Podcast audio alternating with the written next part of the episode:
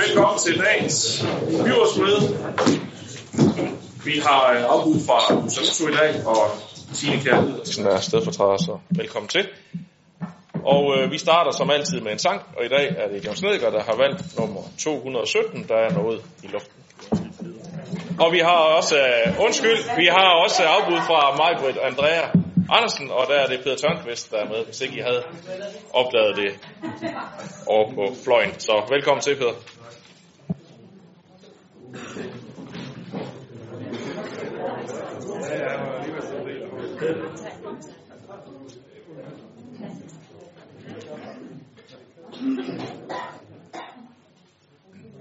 Der er noget i luften, jeg ved ikke hvad, som skoven har mistet hvert vand. Er noget i luften, som roserne stuften, som fuglenes fryd. Skøn rosen er faldet, og fuglen er draget mod syd. Er noget i luften, som gør mig så glad, som frisker mit hjerte i ungdommens fald. Der er noget herinde, i strålende vinde, med kærlighed og sang. Om julen derhjemme, derhjemme, hos moder min gang. Der er noget i luften, et barndommens bud, som lyser imod mig som stjernen fra Gud, som leder mig stille til frelserens lille med barndommens fryd. Skøn barndommen fødte som fuglen, der rejste mod syd. Og kom til os alle, du højtidens fond, om lokken er gylden, om håret er godt. Udbred dine hænder, mens lysene brænder, og skænk os din fred. Til evig er evig er glæden, når du følger med.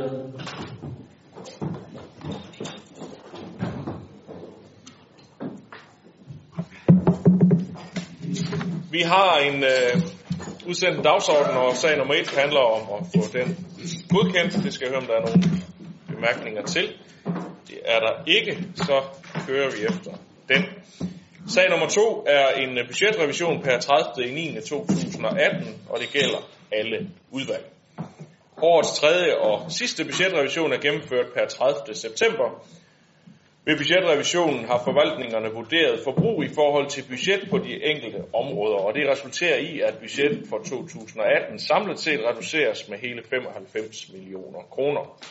Likviditetsmæssigt går budgetrevisionen i midlertid stort set i nul. Det skyldes især diverse tidsforskydninger vedrørende drift og anlæg til 2019-2022, hvor beløbene søges genbevilget. Herudover er der en stor forskydning i udbetaling af grundkapital til almene boliger fra 2018 til 2019 til 2022 på ca. 90 millioner kroner. I budgetrevisionen tilføres øh, familie en ekstra bevilling på knap 4 millioner kroner som følge af lukningen af to institutioner i henholdsvis Varde og Vejen kommuner. Og arbejdsmarkedsområdet tilføres ekstra 7 millioner kroner. Modsat afleverer omsorg og pleje 6 millioner til kassen som følge af besparelser og effektiviseringer allerede i 2018. Ligesom der er besparelser for i alt 9 millioner kroner vedrørende demografi, regulering af dagtilbud, fald i antallet af forsikrede ledige samt yderligere statsrefusion i perioden 2014-17, jævnfør BDO's analyse. På baggrund af den gennemførte budgetrevision vurderes det, at budgettet for 2018 ser fornuftigt ud. Det forventede øh, regnskab på de rammebelagte områder forventes at ligge ca. 50 millioner kroner under servicerammen, som bliver målt på fra statens side, og brutto anlægsudgifterne forventes tilsvarende at ligge ca. 30 millioner under brutto anlægsrammen. På landsplan viser de seneste prognoser fra kommunernes landsforening, at kommunernes samlede serviceudgifter kommer til at ligge lidt under rammen, mens brutto anlæg forventes at ligge cirka 2 milliarder kroner over rammen. KL samarbejder derfor med kommunerne om at nedbringe de forventede, de forventede bruttoanlægsudgifter, så aftalen med staten kan overholdes. Ja, jeg skal høre, om der er nogle bemærkninger til indstillingen. Ellers, det er der ikke, så kan vi hermed godkende budget her. Så går vi til sag nummer 3, som øh, nu kommer der indtil flere sager, der minder lidt om hinanden, men den første sag nummer 3 er fra Vejen Byggeselskab. Et, øh, en sag, der vedrører Skråtoften i Darum. Det er en såkaldt skema A-godkendelse. Andelsboligforeningen Vejen Byggeselskab har skema A øh, ansøgning på 14 tæt lave familieboliger i Store Darum. Boligerne bliver to og fire rums med et gennemsnit på 102 kvadratmeter og opføres på en grund, der er ejet af Esbjerg Kommune. Grundkapitalen er 10% og finansieres af grundkapitalpuljen fra 2018 til 21. Og AB Vejen Byggeselskab har oplyst en anskaffelsessum på ca. 28 millioner kroner. AB Vejen Byggeselskab har oplyst, at øh, sluthuslejen bliver på ca. 790 kroner per kvadratmeter, eller en månedlig gennemsnitlig husleje på ca. 5.500 kroner for en bolig på 85 kvadratmeter. AB Vejen Byggeselskab vurderer, at huslejeniveauet ikke vil medføre udlejningsbesvær, da boligerne opføres tæt på Darm Børneby, og ligeledes opføres boligerne, så de er attraktive for både børnefamilier og seniorer. Og det har Jørgen Bosen en bemærkning til, så værsgo Jørgen. Ja tak, jeg kunne have ventet til du sagde dem alle sammen, men... Uh... Får vi en gang. Ja, okay. Men uh, vi synes i hvert fald, at det er et rigtig godt tiltag, at der nu projekteres med almene familieboliger rundt i hele kommunen. Sådan uh, projekter, de kan virkelig være med til at gøre en uh, forskel og skabe liv i de områder, hvor de etableres. Hvad enten det er på nedlagte institutionsområder eller på udstøtninger, der er anskaffet til formål, øh, som det er tilfældet i Darm for eksempel. Det er også godt for Darm som øh, landsby, at det der nu bliver til noget. Her som mange andre øh, landsbyer er der behov for alternativ til almindelige øh, parcelhuse. Også helt fortjent, øh, at øh, borgerne og lokalrådet har lagt et stort arbejde i at realisere det projekt, der er i Darm. Der er ingen tvivl om, at mange lokalråd og lokalsamfund ønsker sig lignende tiltag. Derfor bliver det spændende at følge, hvordan udviklingen kommer til at gå der. Placeringen er også fin, da det ligger lige som øh, borgmesteren var inde på, nabo til børnebyen i Darm, så man kan godt sige, at sådan en tiltag kommer mange til gode. Det glæder mig nemlig ikke kun for de børnefamilier, der vælger at bosætte sig på skolen, men også for Darm Børneby og hermed udsigt til flere kunder i butikken og større mulighed for at fastholde børnetallet, for at sikre skole og børnehave kan tilbydes noget lokalt, også fremover. Men alt i alt med de tiltag, der kommer her og de følgende sager, så synes vi, det er rigtig godt, at der vil placeres de boliger, øh, som borgmesterne er gået i gang med at nævne, og det bliver så rundt om i hele kommunen. Tak for det. Susanne Dyrborg.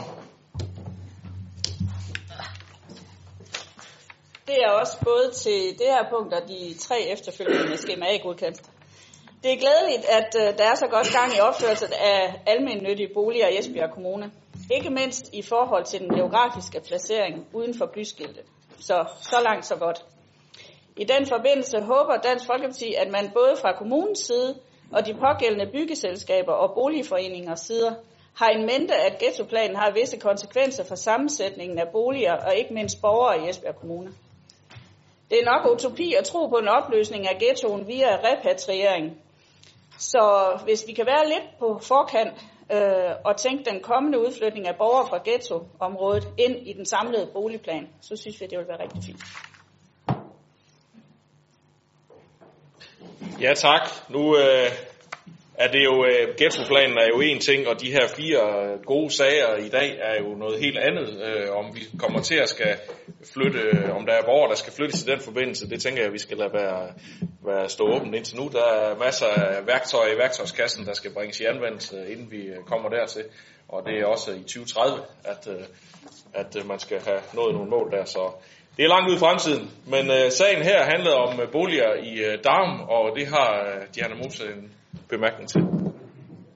Nej, det havde jeg nu egentlig ikke. Jeg synes bare, det ville være lidt synd, Ikke at nævne, at repatriering, det er jo ikke nødvendigvis noget, alle kan have en mulighed for at, at tage vare på. Og størsteparten af de mennesker, vi muligvis taler om, skal tvangsforflyttes på baggrund af en tåbelig lovgivning, øh, handler om nogle mennesker, der er født og opvokset i Danmark. Så mund de ønsker repatriering. Jeg tror det næppe. Men uh, lad os nu uh, fokusere debatten på sagen om nogle boliger i Darm. Det er faktisk en rigtig god sag, og nogle, en rigtig spændende boligbyggeri, som også Jørgen Bosen fremhævede på rigtig fin vis. Øh, jeg skal høre, om der er yderligere bemærkninger til den. Ellers så har vi hermed godkendt sag nummer 3. Så går vi videre til sag nummer 4. Også en skema A-ansøgning i dag, den her gang fra Arbejdernes Boligforening, og det handler om Langdi-parken. Arbejdernes Boligforening har også fremsendt skema A, og det er på 20 familieboliger, der bygges i to plan. De 20 boliger bliver trerumsboliger med et gennemsnitligt boligareal på 110 kvadratmeter. Boligerne opføres i Hjerting og med kort afstand til vandet og de grønne områder i Marbæk. Boligerne etableres med terrasse og altan på begge sider, så der er mulighed for både morgen- og aftensol. Sådan. Grundkapitalen til projektet er 10% og finansieres af grundkapitalpuljen fra budget fra 18 til 21, og Arbejdernes Boligforening oplyser, at en anskaffelsessum vil være ca. 43,5 millioner kroner.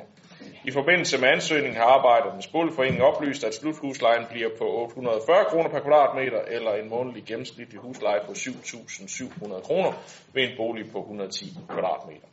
Arbejdernes Boligforening vurderer også her, at huslejeniveauet ikke vil medføre udlejningsbesvær på grund af beliggenhed.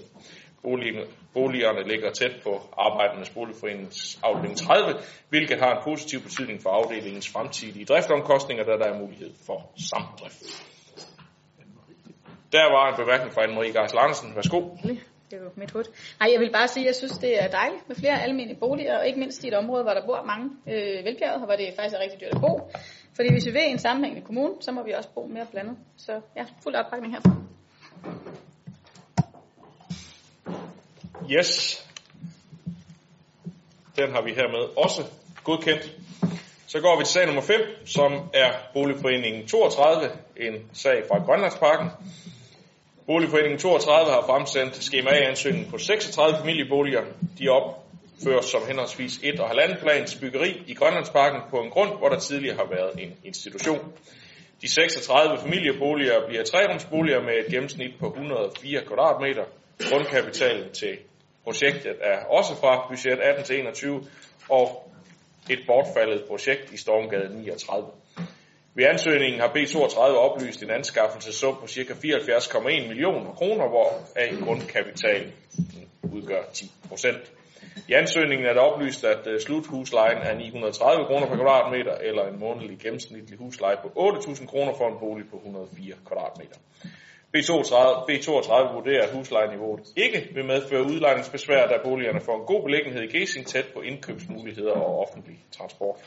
Desuden kommer de til at ligge tæt på B32's afdeling 12, hvilket har en positiv betydning for den fremtidige drift, da der er mulighed for samdrift. Jeg skal om der er nogle bemærkninger til denne sag. Det synes ikke at være tilfældet, så har vi også godkendt den.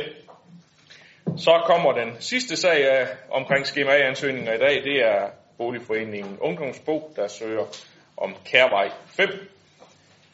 For der er fremsendt skema A-ansøgning på 6 tæt lave familieboliger, som jo bliver firerumsboliger med et gennemsnitligt boligareal på 104 kvadratmeter og opføres i Tjerborg på en grund, hvor der også har været en institution og grundkapitalen er finansieret fra samme budget som i de tre foregående sager, og øh, her er der oplyst en anskaffelsessum på, 10, no, på 12,3 øh, millioner kroner, hvor grundkapitalen udgør 10 procent. Ungdomsbo har indberettet, at sluthuslejen bliver ca. 880 kroner per kvadratmeter, eller en månedlig gennemsnitlig husleje på ca. 7.700 ved en bolig på 104 kvadratmeter. Og også her er der en vurdering af, at der ikke vil være udlejningsbesvær, Boligerne bliver opført tæt på skole, indkøb og offentlig transport. Og det synes der heller ikke at være nogen bemærkninger til, og så kan jeg bare sådan forsøge at konkludere her på de fire sager. Det er jo selvfølgelig øh, uh, udmyndning af tidligere beslutninger, hvor vi har sat penge af til grundkapital, men, men det er rigtig, rigtig godt, at vi hermed får, får sikret nogle flere almene boliger i kommunen og spredt ud over kommunen i den her sag, viser sig det jo ret tydeligt i de her fire sager. Øh, det er jo med til at understøtte øh, den vision, vi også har om at have øh, gode boligmuligheder øh, og fordele over hele kommunen, og nu er det så de almene boliger, vi sætter penge af til i dag, og de private boliger, de kommer jo sådan set mere af sig selv, så det er samtidig rigtig, rigtig godt. Godt. Vi går videre til sag nummer 7, som er en revision af styrelsesvedtægter for dagtilbuds forældrebestyrelser, og det er en sag fra børn- og familieudvalget, der forelægges af formanden derfra. Værsgo, Diana. Tak for det. På grund af ændringerne i dagtilbudsloven, der er det nødvendigt at revidere styrelsesvedtægterne for daginstitutionernes områdebestyrelser og forældrebestyrelsen i dagplejen. Lovændringerne de styrker forældrebestyrelsernes kompetencer og indflydelse, og når vi alligevel har skulle revidere styrelsesvedtægterne, ja, så har det været oplagt for os, at vi samtidig har fået indarbejdet nogle andre præciseringer. Styrelsesvedtægterne de har været i høring, og der har ikke været bemærkninger fra forældrebestyrelsen i dagplejen, mens områdebestyrelserne og medudvalgene er kommet med forskellige ændringsforslag. I børne- og familieudvalget der anbefaler vi, at byrådet følger ønsket fra 5 ud af 7 områdebestyrelser. De foretrækker at fortsætte som nu, hvor der vælges 1 til to forældrerepræsentanter fra hver afdeling, i stedet for at følge forslaget i den nye styrelsesvedtægt, hvor forældrerepræsentanterne vil skulle vælges i de mindre enheder i afdelingerne, der har til huse på flere matrikler.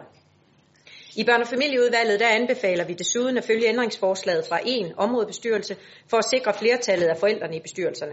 Hvis en afdeling ikke har mulighed for at være repræsenteret i bestyrelsen, vælger en, vælges en ekstra repræsentant fra en af de andre afdelinger i området, dog kun for et år ad gangen.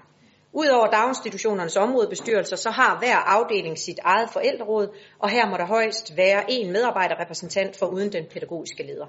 På den baggrund indstiller børne- og familieudvalget og økonomiudvalget, at byrådet godkender de reviderede styrelsesvedtægter for forældrebestyrelsen i dagplejen og områdebestyrelserne med de anbefalede ændringsforslag. Det ser det ud til, vi kan, så det har vi hermed gjort. Går videre til sag nummer 8, som er retningslinjer for opskrivning til dagtilbud efter ændringer i dagtilbudsloven. Også en sag på børn- og familieudvalget, så du får ordet igen. Værsgo, Janne. Jo tak. Denne her sag den hænger ligesom flere andre øh, sager i den seneste tid sammen med de ændringer, der er kommet med dagtilbudsloven, som udspringer af regeringens udspil om styrket kvalitet i dagtilbud, øget fleksibilitet og frit valg for forældrene. Ændringerne de giver forældrene mulighed for at ønske et konkret dagtilbud. De får også retten til at opretholde den her plads og ancienitet på ventelisten, også selvom deres barn har fået en plads i et andet dagtilbud end det, de har ønsket. På den måde vil forældrene opleve øh, bedre vilkår og flere muligheder end med de nuværende retningslinjer. Det er byrådets ansvar at sikre, at vi får vedtaget nye retningslinjer for opskrivning med virkning fra 1. januar 2019. Forslaget bygger på de nuværende retningslinjer, som børn og dagtilbud får meget få klager over og oplever, at forældrene indtil videre i hvert fald har syntes har været velfungerende. I børne- og familieudvalget der foreslår vi, at de nye retningslinjer for opskrivning får lov til at virke i to år inden de bliver evalueret i efteråret 2020. Det vil gøre det muligt at inddrage forældrenes erfaringer i evalueringen, og de kan også bidrage med både fordele og ulemper ved de nye retningslinjer set fra deres perspektiv. Derefter drøfter vi evalueringen politisk og kan herefter øh, justere retningslinjerne efter behov. Som en tilføjelse vil jeg nævne, at vi forventer yderligere ændringer igen i dagtilbudsloven som følge af regeringens ghettoplan. Det kan også få konsekvenser for vores opskrivningsregler i kraft af den nye regel om maks 30 procent nyoptag af børn fra udsatte områder eller fra et ghettoområde, og reglerne de træder i kraft i 2020, og fordi vi endnu ikke kender de konkrete ændringer i dagtilbudsloven, så ved vi faktisk heller ikke på nuværende tidspunkt, om det bliver nødvendigt at ændre opskrivningsreglerne før evalueringen endnu en gang. Jeg skal lige for god ordens skyld sige, at øh, det ikke er et enigt børn- og familieudvalg, der indstiller øh, øh, at indstillingerne følges. Øh, I børne- og familieudvalget der tog øh, Dansk Folkeparti og Radikale Venstre øh, forbehold for indstillingen, mens økonomiudvalget, der var det et enigt økonomiudvalg, der indstiller til byrådet, at vi følger indstillingen fra direktion. Tak for det. Anne-Marie Geis Larsen. Og det vil jeg gerne forklare. Øhm, fordi det er faktisk sådan, at vi i Radikale Venstre synes, at, det her, at der er tale om en forbedring af den nuværende praksis for opskrivning til dagtilbud i vores øjne positivt, at øh, forældre nu kan lade sig opskrive til en eller flere specifikke enheder, og man kan blive stående på ventelisten, så frem man ikke får det ønskede tilbud øh, ved behovsdato. Vi har dog i Radikale Venstre, hvad hedder de, udvalgsarbejdet, der har vi udtrykt ønske om en større gennemsigtighed i ventelisterne til dagbud. Og det var fordi, det efter vores øh, opfattelse kunne bidrage til, at ikke alle valgte samme øh, enhed, og der dermed blev en større spredning i ønskerne af dagtilbud. Og med den konsekvens, at der så var en større sandsynlighed for, at man fik det ønskede tilbud til sit barn. Øhm, med den nye dagtilbudslov, der er det måske blevet mindre vigtigt med den her gennemsigtighed, fordi nu får forældrene i Esbjerg øhm, som sagt mulighed for at skrive deres børn op til specifikke tilbud, og for at vente på, at der bliver en plads lige netop der, hvor de ønsker det. Den nye ordning skal, som Diana også sagde, evalueres, og så må vi se, om der efterfølgende bør rettes til. Sker der det, at forældreønskerne at de kommer til at koncentrere sig om, om på få enheder, så kan det jo komme til at betyde, at flere børn først vil skulle starte i et andet tilbud, øhm, fordi de ikke kunne få det ønskede tilbud øh, eller behovsdatoen. Og det er det, som i sagsfremstillingen kaldes svingdørspraksis. Ja.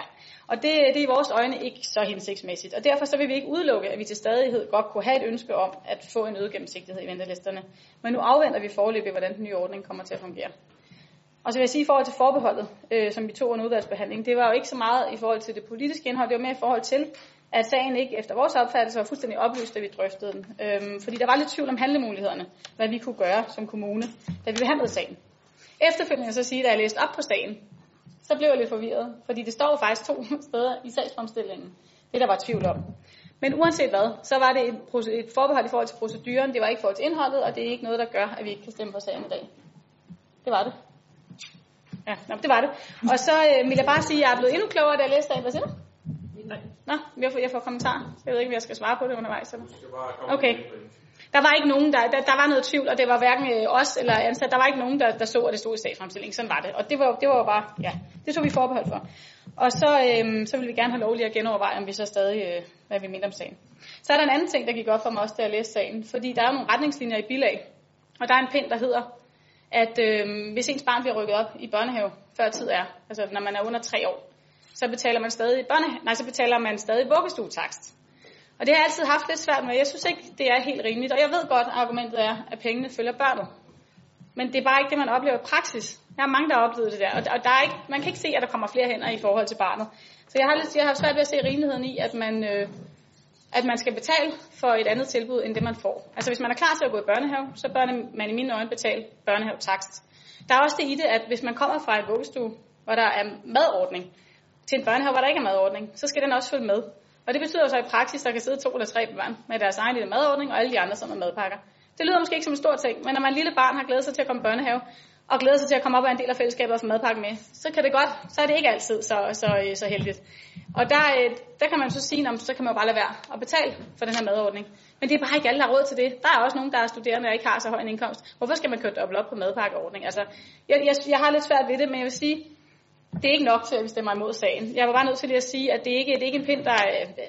Medmindre det er lovbestemt, så er det jo sådan, det er. Det kan være, at Diana kan svare på det. Men, men, ja, men vi stemmer for sagen, som det ligger. Ja. Tak. Susanne Dyrborg.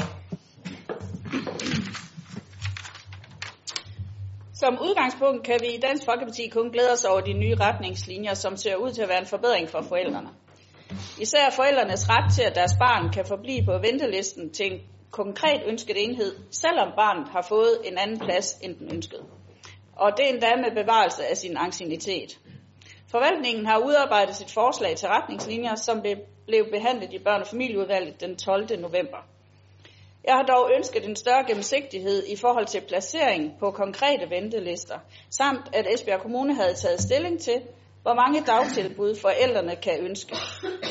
Det vil sige at kunne begrænse antallet af muligheder fra uendeligt til for eksempel tre, og så samtidig oprette reelle ventelister med mulighed for at se sin plads i forhold til sine ønsker. Jeg valgte at tage forbehold, da vi behandlede sagen i udvalget, da jeg ikke mente, at grundlaget for beslutningen var tilstrækkeligt oplyst. På det tidspunkt der var det uklart, om Esbjerg Kommune selv kunne fastsætte, hvor mange dagtilbud forældrene kunne ønske, og hvor mange ventelister et barn kan være skrevet op til.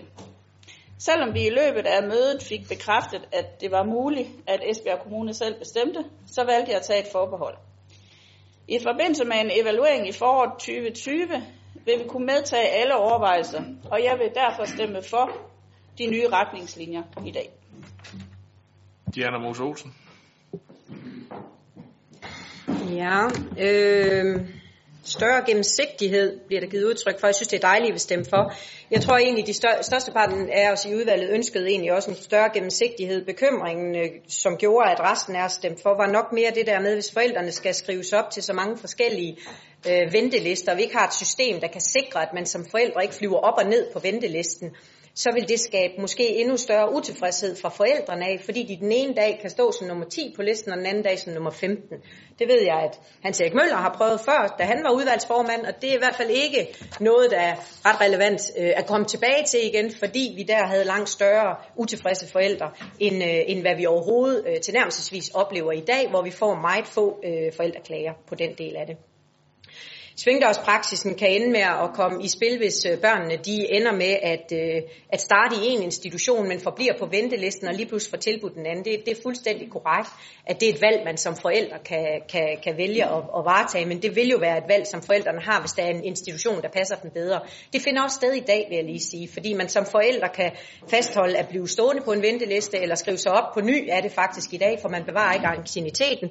Så bliver man stående på ventelisten, og så ender man også måske igen med at skifte og, øh, og få øh, en plads, så man skal skifte to gange som barn.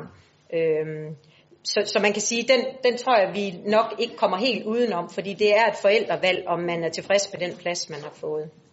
Jeg er lidt i tvivl om, hvad det var i, øh, i sagsfremstillingen, som ikke stod der i børne- og familieudvalget, men som står der i, øh, i byrådets øh, indstilling, fordi mig bekendt er der ikke lavet om i sagsfremstillingen, så det, det undrer jeg mig lidt over, Øh, hvad det skulle være, så den har jeg svært ved at svare på, hvad det var, der manglede, da vi behandlede sagen i børnefamilieudvalget, fordi det er samme sagsfremstilling, der ligger til byrådet, øhm, så det vil jeg øh, lade være stå usagt. Vuggestuetaksten, der er det sådan, at vi i Esbjerg Kommune har valgt, at, øh, at man øh, fastholder taksten op til det tredje år. Det har vi faktisk valgt, fordi man i andre kommuner ser en tendens til, at man laver det til et besparelsesobjekt, hvis et barn flytter før, altså når det er to år og 10 måneder, så får man, har man faktisk en billigere takst. I Esbjerg Kommune, der bevarer vi øh, det sådan, at man har den fulde takst til vuggestuen i daginstitutionen. Og nej, det er ikke sådan, at man nødvendigvis kan se, at der følger 10.000 kroner med over, øh, eller 20, eller hvor meget det nu bliver, alt afhængig af, hvor lang tid der går, før barnet bliver tre år, fordi at det får daginstitutionen i rammen.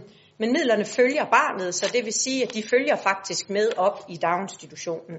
Øhm, I forhold til Dansk Folkeparti, der ønskede man et maksantal, som forældrene kunne skrive sig op til, og den, den har jeg stadigvæk helt svært ved at forstå, hvorfor man ønskede at sætte et maksantal på, fordi så har man jo egentlig givet forældrene et, en dårligere valgmulighed end, øh, end, end frit valg.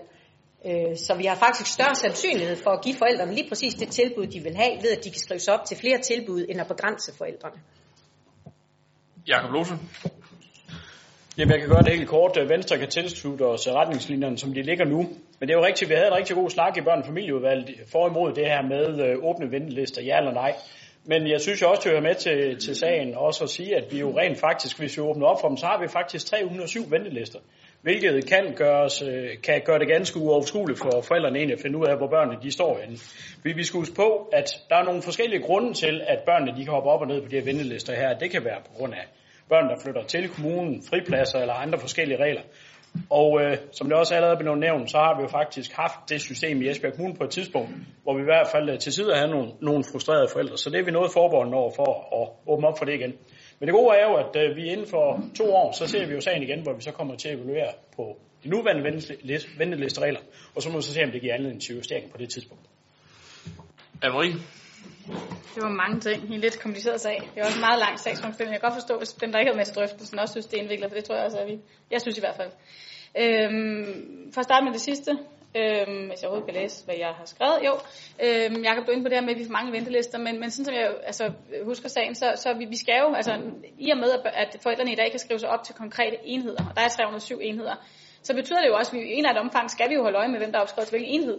Så det er det, jeg har lidt svært ved at få, helt få svar på. Hvorfor er det sådan, at vi alligevel skal holde øje med det? Hvorfor så vi ikke kan lave noget gennemsigtighed i ventelisten, så forældrene også kan se det? Jeg er med på, at det hopper lidt rundt. Det gør det også i København, hvor det kører. Men der er jo nogle tilflyttere, der er nogle, der flytter herfra, der er nogle ting, søskendepladser, sådan noget. Der er nogle ting, der gør det. Men i mine øjne er det heller ikke sådan, at du skal jo ikke, fordi du er nummer 15, så, så, så kan, der ikke, ske, så er du ikke, kan du ikke være nummer, øh, nummer 16 i morgen, hvis der kommer en tilflytter til. Det er mere det der, det relative i det at når man som forældre skal ind og vælge, hvis nu man kan se, at der er to øh, steder, hvor vi godt kunne tænke mig også at have vores barn, så siger vi, at der er rigtig mange, der har valgt det her tilbud, der er ikke så mange, der har valgt det. Så tager vi det, som der ikke er så mange, der har valgt, så er der måske en større sandsynlighed for, at vi får det tilbud. Og det er også lidt svar på noget af det, du siger, Diana, med tilfredshed, fordi det var for mig at se, var det, altså min intention var jo netop at skabe større, større sandsynlighed for, at man reelt får det, det tilbud, som man ønsker til sit barn. Øhm, og så hvis i forhold til det med øhm, om rimeligheden i at betale børnehavetakst, vuggestuetakst, jeg ved godt, hvad man siger, og jeg, er med på, altså, at der kan være noget rationale i, at det skal jo ikke være en økonomisk besparelse, men jeg synes bare ikke, det skal gå ud over de enkelte forældre, som har flyttet et barn op tre måneder for inden, og så skal man køre på vuggestue-tax tre måneder med et barn i børnehave, og skal have en eller anden madordning, som man jo ikke har ønsket til. Jeg, jeg synes ikke, det er rimeligt, og jeg, jeg ved ikke, altså vi kan jo tage drøftelsen, jeg, jeg ved ikke, om jeg kommer til at synes det, men, men jeg kunne godt tænke mig i hvert fald at stille spørgsmål ved det. Øhm, så i forhold til det med, hvad vi tager forbehold for, jamen det var jo det her. Jeg kan godt se, at det står i en meget lang sagsfremstilling nu, når jeg læser den igen. Men da vi drøftede det, der var lidt tvivl om, som Susanne siger, hvorvidt vi som kommune kunne sige, at forældrene har tre, tre valgmuligheder. Det er det, man i København har man to eller tre. Det hele skal ikke være som København, nej. Det er, noget, det er fordi, jeg kender til det, så er jeg lidt inspireret af det. Og det har man jo, og det, gør, det giver jo netop mening så at, have, at kunne se ventelisterne. Når du kun har to ønsker, hvis du har 17 ønsker, så giver en venteliste jo ikke mening, fordi så står der jo en hel masse ønsker, som ikke er reelle. Så, så det var det, der var hensigten, da, da vi spurgte, kan man begrænse. Kan man sige, at forældrene har x antal ønsker. Og så vil jeg bare sige, at man kan sige, at, at øh, der er meget, der, jeg synes, der er mange, øh, mange ting, der gør, at øh, der er mange argumenter mod, at det her kan lade sig gøre, men det fungerer jo faktisk nogle steder. Så kan man jo kigge på, hvor godt det fungerer. Det kunne jeg jo godt ønske, at vi så måske kunne gøre, inden at vi skal evaluere ordningen næste gang, eller i forbindelse med det. Og så i forhold til tilfredshed, jeg kan godt læse i sagen, at der står, at man har noget fra 13, tror jeg, der er jo forældrene meget tilfredse.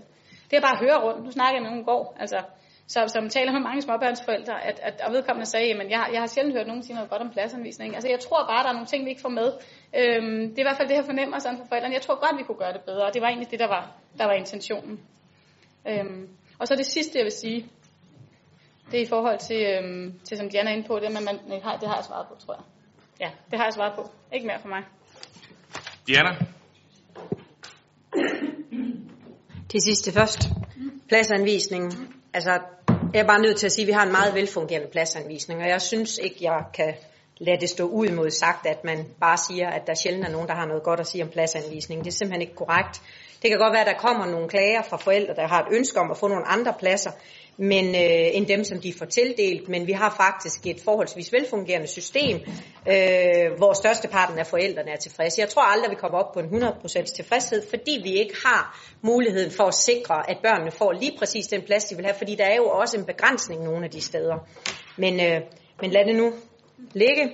Øh, I forhold til det her med sagsfremstillingen, der er lang, det er ganske korrekt. Den her sagsfremstilling er også længere end den normale er, men det handler om, at vi skulle belyse rigtig mange spørgsmål, øh, som der var blevet stillet undervejs. Og der tænker jeg til god læring til en anden gang, så tror jeg måske ikke, at man skal komme med dem i en sagsfremstilling, men så må man jo håndtere det på en anden måde, hvis det giver en uoverskuelighed i forhold til sagsfremstillingen. Øh, i forhold til Københavns Kommune, så synes jeg, at sagsfremstillingen den forsøger jo også at belyse, hvorfor det er, det kan være vanskeligt inden for den ramme, vi har i dag økonomisk, at gøre det, som Københavns Kommune gør, fordi vi faktisk ikke har mandskabet til det. Så der kommer jo faktisk også et alternativ i sagsfremstillingen, der svarer på, at hvis vi skal gøre det her, så er vi nødsaget til at oversende det til budgetdrøftelser, fordi så vil det koste ekstra penge. Vi kan ikke bare forlange, at forvaltningen gør det øh, for de samme penge. Så tror jeg ikke, jeg behøver at svare på flere spørgsmål lige nu, tænker jeg. Sara?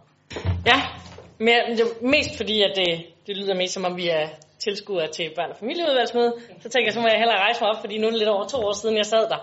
Øh, derfor er jeg heller ikke inde i, sådan, særlig godt inde i den nye dagtilbudslov. Øh, og jeg medgiver, at den her sagsforskning, den var, den var lidt svær. Af mange forskellige årsager. Den var lidt svær. Men jeg tror, jeg har fattet pointen, om ikke andet ved at høre på det, der er blevet sagt nu her.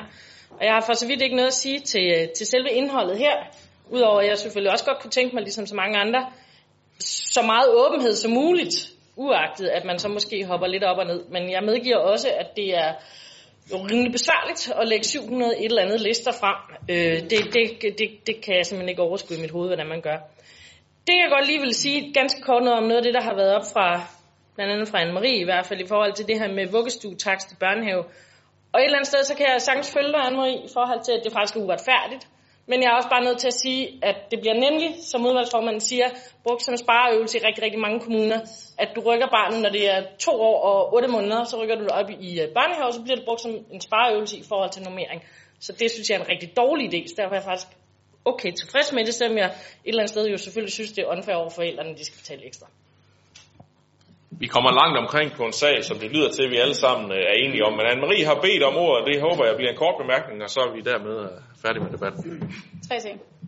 Det, som efter, forældrene efterspurgte konkret, det var faktisk gennemsigtighed. Det var ikke utilfredshed med ønsker osv., det var gennemsigtighed. Det andet, det var bare, jeg kontaktede Københavns Kommune forud for, at vi drøftede, drøftede den her sag, og det er bare, jeg, jeg, kunne bare, jeg synes bare, der er nogle ting, der ikke er sådan helt så tydeligt belyst, fordi det bliver sagt, at det koster meget mandskab, og det er dyrt, og, og, men, men når man spørger i Københavns Kommune, nu den jeg snakker med, så, så, så, så er bare beskeden, at der har man lavet et IT-system, og det er også det, vi skal her, lave et nyt IT-system, og det trækker automatisk de der ventelister ind. Så beskeden var, at de har ikke ekstra mandskab. De bruger ikke en masse mandskab på at sidde og administrere det. Plus, at det gav faktisk færre henvendelser fra forældrene, fordi de kunne se det på ventelisten. Det var det, jeg hørte. Men, men det, det, er, det er der forskellige dele meninger om. Og så det sidste, det, er, det var... Hvad var det, du sagde, så? Det var det med vuggestuetak. Vuggestuetak. Ja. Der har jeg skrevet tre bogstaver og sådan noget, ikke mere. Den kan jeg så ikke huske. Det er fordi, jeg taler så hurtigt. Nej, det er jo det med, at vi sparer potentiale. Jeg, jeg, undrer mig bare lidt over, jeg synes bare, at tingene nogle gange, det, jeg, jeg bliver lidt forvirret, fordi vi har selv forsøgt at få et barn rykket op som to år og 10 måneder. Det kunne simpelthen ikke lade sig gøre.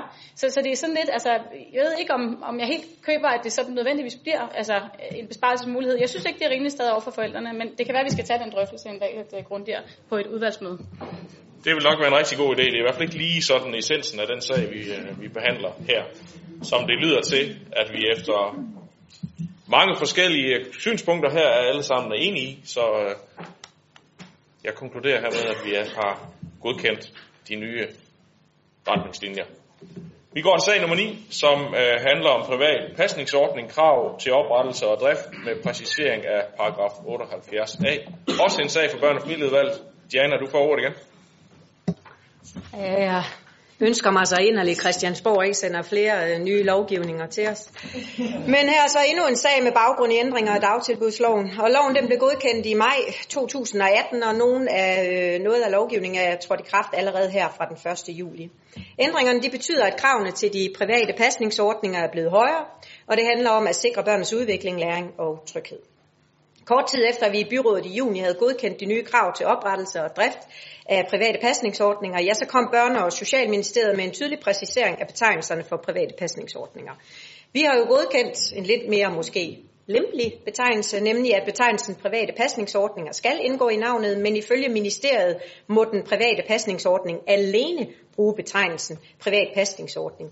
I offentlige sammenhænge må den private pasningsordning altså ikke supplere sit navn med betegnelser, der signalerer, at den er andet end en privat pasningsordning. Det gælder for eksempel ordet dagpleje. Det betyder, at afsnittet om pasningsordningens navn skal rette til, rettes til i de krav, som vi har godkendt i byrådet. For de 74 private pasningsordninger, der var godkendt inden 1. juli 2018, ja, der træder kravene i kraft per 1. januar 2019. Og på den baggrund indstiller børnefamilieudvalget og økonomiudvalget, at byrådet følger indstillingen. Og den var I så enige om i børn- og familieudvalget. Det er jo også øh, anden gang en øh, præcisering her. Men øh, jeg skynder bare at lukke, øh, lukke den sag af og sige, at den kan vi hermed øh, godkende. Vi går til sag nummer 10, som øh, handler om øh, gebyr for 2019. En sag, der har været i plan- og miljøudvalget, så det er formanden derfra, der forelægger den. Værsgo, Karen Sandrini. Tak skal du have. Vi har som kommune mulighed for at opkræve gebyr for byggesagsbehandling. Det betyder, at området ikke udelukkende er skattefinansieret. Gebyret har siden 2015 skulle være omkostningsbestemt, det vil sige, at gebyret afspejler tidsforbruget på byggesagerne. Undtagelsen er de byggesager, der handler om såkaldte sekundære bygninger som garager, carporte, skure og lignende.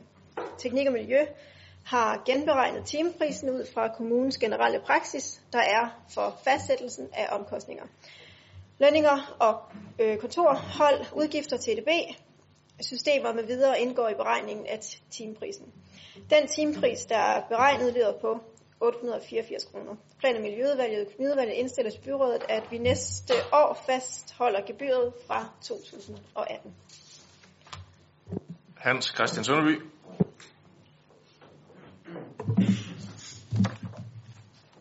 Normalt vil takster og gebyrer, gebyrer, der følger tidligere års vedtagelser, og blot er fremskrevet med normal prisstigninger, blive betragtet som vendesager. Det forudsætter, at man er enig i de principper, der ligger til grund for beregningerne. Jeg skal blot nævne hele den gebyropkrævning, der finder sted på kultur- og fritidsområdet, som vi i Dansk Folkeparti mindst ikke er enige i. Den sag drejer sig om en helt anden form for gebyr og er for behandling af byggesager, men også her er det vigtigt, at ordningen hviler på principper, man er enige i. Jeg har på vegne af Dansk Folkeparti tilsluttet mig gebyrerne for byggesagerne i 2019, og det øh, skal vi heller ikke ændre på. Det har jo også budgetmæssige konsekvenser, og der er indgået budgetforlig. Det står vi naturligvis ved. Men til næste år, når der skal lægges ny budget, vil vi vende tilbage til dele af byggesagsgebyrene. Opkrævningen hviler efter vores mening på nogle mærkværdige principper, som jeg næsten håber, jeg har misforstået. Når man som os starter som ny gruppe, er der erkendelse, der kommer hen ad vejen, og det princip, at opkrævningen hviler på et tilfældigt timeforbrug, er meget lidt erhvervsvenlig eller venlig i det hele taget, og en ny erkendelse for mig. Et timeforbrug vil altid hvile på tilfældigheder, underbemandet forvaltning, underbemandet forvaltning medfører lav gebyr, omvendt overbemanding høj gebyr. Vi er tæt på at indtage en førsteplads i teambetalingen blandt de opstillede kommuner, i hvert fald på listen, og øh, uh, teamforbrug er så den individuelle, ukendte størrelse for alle ansøgere. Men uanset byggesagsbehandlingen hviler ansvaret for lov og regulativer er overholdt altid på ansøgeren, og sådan må det naturligvis også være. Men uden en vis kontrol vil svage sjæle kunne blive fristet til at tage de fælles regler lidt for lemfældigt, så byggesagsbehandling må naturligvis foretages af mange grunde. Men det giver ikke andet end til, vi går imod. Tak for det. Det er jo øh,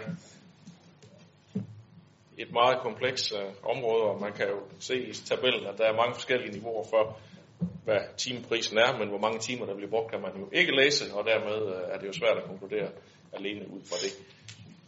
Karen? Altså, jeg skal ikke bestemme, hvad I skal tage med i, i budgetforhandlinger. Jeg vil bare sige, at det er alligevel voldsomt at skulle ud og finde 3,8 millioner eventuelt øh, til at... Til, det er det, som vi cirka har budgetteret med. Dernæst så vil jeg sige, at det ofte er et engangsbeløb, man skal betale. Øhm, og øhm, ja, vi har jo stemt ja til det, så vi, vi må se næste år, hvad det bliver til i budgettet. Ja, og budgetforhandlingerne tænker jeg, at vi skal vente et par måneder med, øh, eller mere endnu, men øh, derfor kan man jo godt have holdninger til, til alverdens ting på forhånd. Øh, det er jo, øh, det er jo øh, en sag, der selvfølgelig øh, kan være gradueringer af. Sara Nørre, Isabel Mors. Ja, altså, vi kan sagtens blive enige om, Hans Christian, at det, det ville være rigtig lækkert, hvis der var rigtig mange ting her i kommunen, der var gratis for os alle sammen. Øh, sådan hænger verden jo desværre ikke sammen. Øhm, der er også selvfølgelig den mulighed, at vi genindfører dækningsafgiften, og så kan vi øh, på baggrund af det øh, nedskrive nogle af taksterne. Det er bare lige øh, et godt råd til næste års budgetforhandlinger. Jeg tænker, øh, afdelingen for humoristiske indslag, den er ikke øh, helt slut endnu, men øh, tak, for, øh, tak for indsparket, Sara.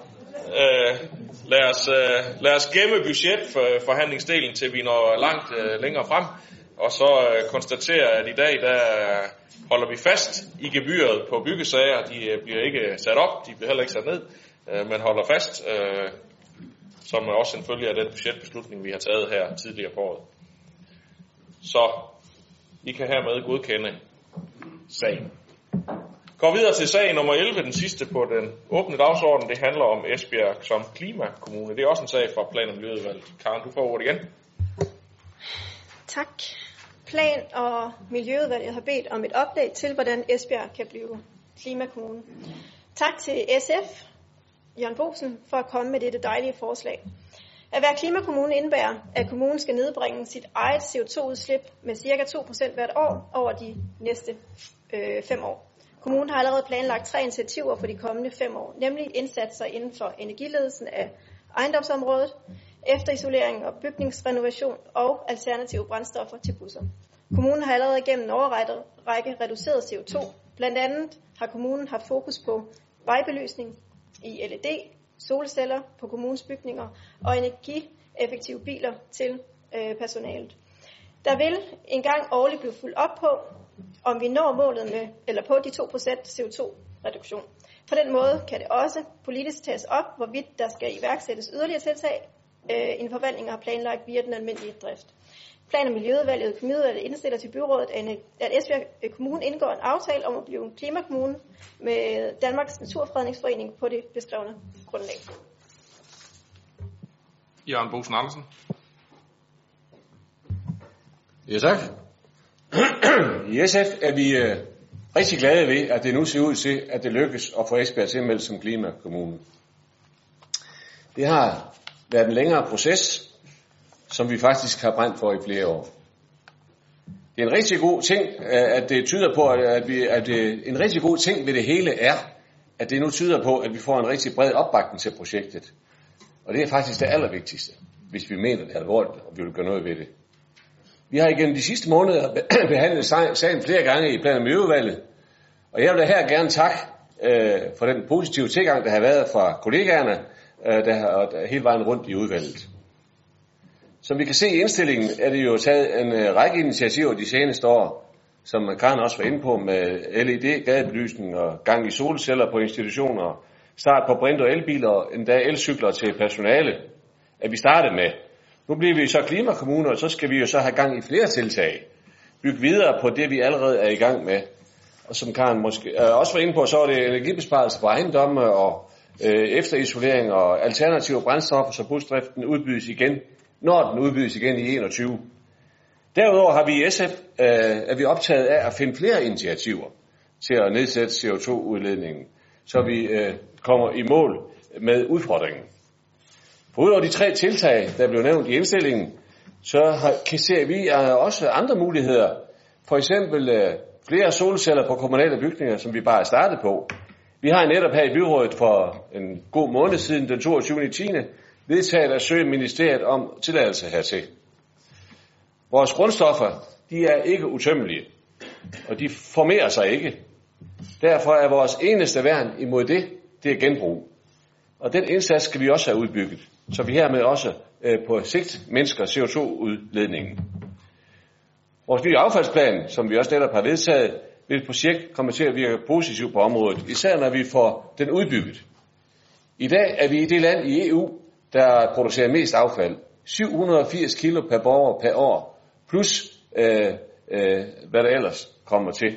Altså, og, så, øh, og der, hvad der kommer til, der mener jeg, at øh, vi også vil komme i tanke om flere tiltag, vi skal have sat gang i, de tre, jeg lige har nævnt oven i de andre tre.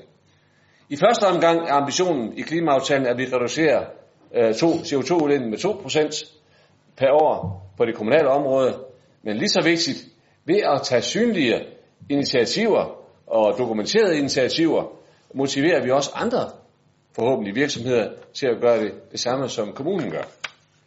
Så på sigt kunne det være interessant at følge CO2-udviklingen i hele kommunen, altså også private virksomheder, samt øh, hvilke initiativer der tages her, og hvad der kommer ud af det. For eksempel har vi jo Korsbro Biogas, som åbner her til, øh, til øh, jul, og overskudsvarme, som det måske lykkes at få ud iværksat, for eksempel på det nye datacenter i Andrup.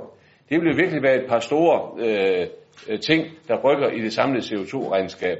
Men jeg ved godt, det er kommunen, vi snakker om, så i første omgang glæder det os øh, øh, øh med de øh, kommunale aktiviteter. Indsatsen, som indsatsen kommer til at dreje sig om øh, som klimakommune. Det er vigtigt, at vi følger udviklingen tæt, dokumenterer og sætter nye tiltag i gang, så vi opnår den 2% reduktion, som er målet hvert år. Det kan heller ikke udelukkes, at der skal bidrages med ressourcer til projektet, som Karen også var inde på. Men det øh, er så, hvis det bliver aktuelt, godt givet ud når vi nu skruer op for at sikre en grønnere og mere bæredygtig fremtid. I SF vil vi gerne, som vi har sagt det før, ikke nøjes med Esbjerg som energimetropol. Vi vil have Esbjerg Kommune skal være en grøn energimetropol, der også vægter de bløde værdier. Tak for ordet. Anne-Marie Geis Larsen, du kunne også have sagt det sidste der, tror jeg. Det bliver ikke helt så langt, men jeg kommer nok til at gentage lidt. Nej, jeg vil bare sige, nu sidder vi hverken i økonomiudvalget eller i plan og miljø, så jeg vil bare gerne bakke op her. Jeg synes, det er super fedt, at vi nu bliver i klimakommune, og som øh, det fremgår af sagsfremstillingen, og som Jørgen også har været inde på, så kommer CO2-reduktionskravet formentlig også til at kræve nogle investeringer. Og nu skal det jo ikke handle om budget, men de investeringer vil vi være klar til at bakke op om. Øhm, og det vil vi, fordi at klimaudfordringen i vores øjne er den største udfordring, at vi som samfund står overfor, og også fordi vi meget gerne ser, at Esbjerg bliver Danmarks grønne energimetropol. Ja. Nøjes. Ja, så jublen fortsætter herover. Øhm, og øh, for ikke at gentage noget af det, der lige er blevet sagt, så er der også fuld opbakning herfra. Det er næsten logisk, tænker jeg. Øh, jeg synes dog, sådan, hvis man skal drysse lidt malurt i bæret, så er det en anelse uambitiøst, men øh, det synes jeg er jo jævnligt. Så det kan ikke komme bag på nogen, men øh, fuld opbakning, og så håber jeg, at vi giver den maks gas lidt senere. Jamen, det er da rigtig dejligt, at I kan øh, juble og være så glade over på venstrefløjen der, fordi at, øh, vi er jo alle sammen enige om, at det her det er en god idé. Og som I også øh, nævner ind fra en kant af, så er der jo rigtig mange gode initiativer, som vi alle sammen har været med til at tage i bred enighed igennem længere tid. Nu øh, kommer vi så til at også forpligte os lidt til at dokumentere noget af det på et andet niveau, end vi har gjort tidligere. Øh, og så håber vi selvfølgelig ikke, at øh, det går op i alene dokumentation, men det rent faktisk også medfører nogle, nogle øh, tiltag. Vi arbejder jo på, der er nævnt mange her, og jeg kan jo bare nævne en enkelt, som måske er den, der kommer til at fylde allermest sådan enkeltstående, nemlig når øh, Ørsteds øh, kraftværk, der fyrer med kul, det overgår til en eller anden form for brændsel her i løbet af nogle år. Det er jo virkelig noget, der også vil, øh, vil øh, kunne tage nogle års øh, CO2-udledning øh, med der. Så der er mange gode ting i gang, og nu øh, er vi lige om lidt... Øh, kan jeg også fornemme ikke klar til, at vi siger ja til, at vi bliver klimakommunen ved at godkende den her sag. Det er det, vi gør. Og det var faktisk øh, afslutningen på den åbne del af mødet, så øh, tak fordi I kom.